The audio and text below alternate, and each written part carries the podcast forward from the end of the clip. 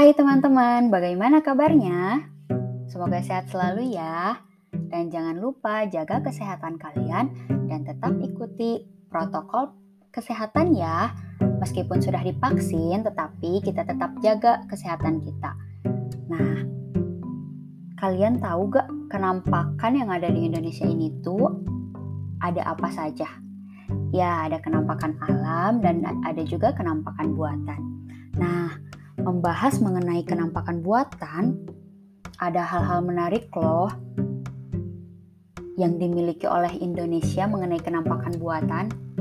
Nah, yang pertama itu kenampakan buatan waduk. Kalian tahu kan waduk? Ya, waduk itu seperti bendungan. Kalian tahu gak waduk yang pertama di Indonesia itu waduk apa? Waduk Jati Gede bukan, waduk waduk Jatiluhur bukan, waduk Saguling bukan juga. Nah, ternyata waduk pertama di Indonesia ini tuh adalah Waduk Nelangon yang berada di Desa Kradenan, Kecamatan Kradenan, Kabupaten Grobongan.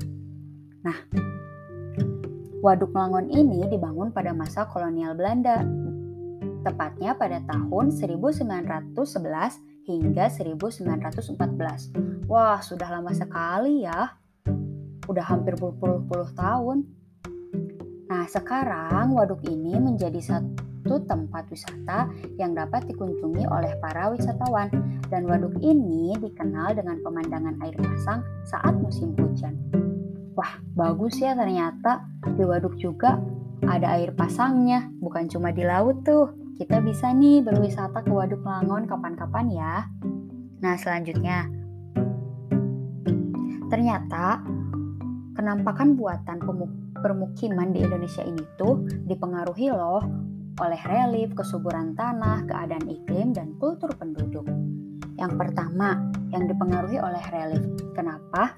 Karena bentuk permukaan bumi terdiri dari relief-relief seperti pegunungan, dataran rendah, pantai, dan perbukitan. Maka permukiman pun ada yang di dataran, ada yang di pantai, ada yang di pegunungan, ada yang di perbukitan. Lalu permukiman itu dipengaruhi oleh kesuburan tanah.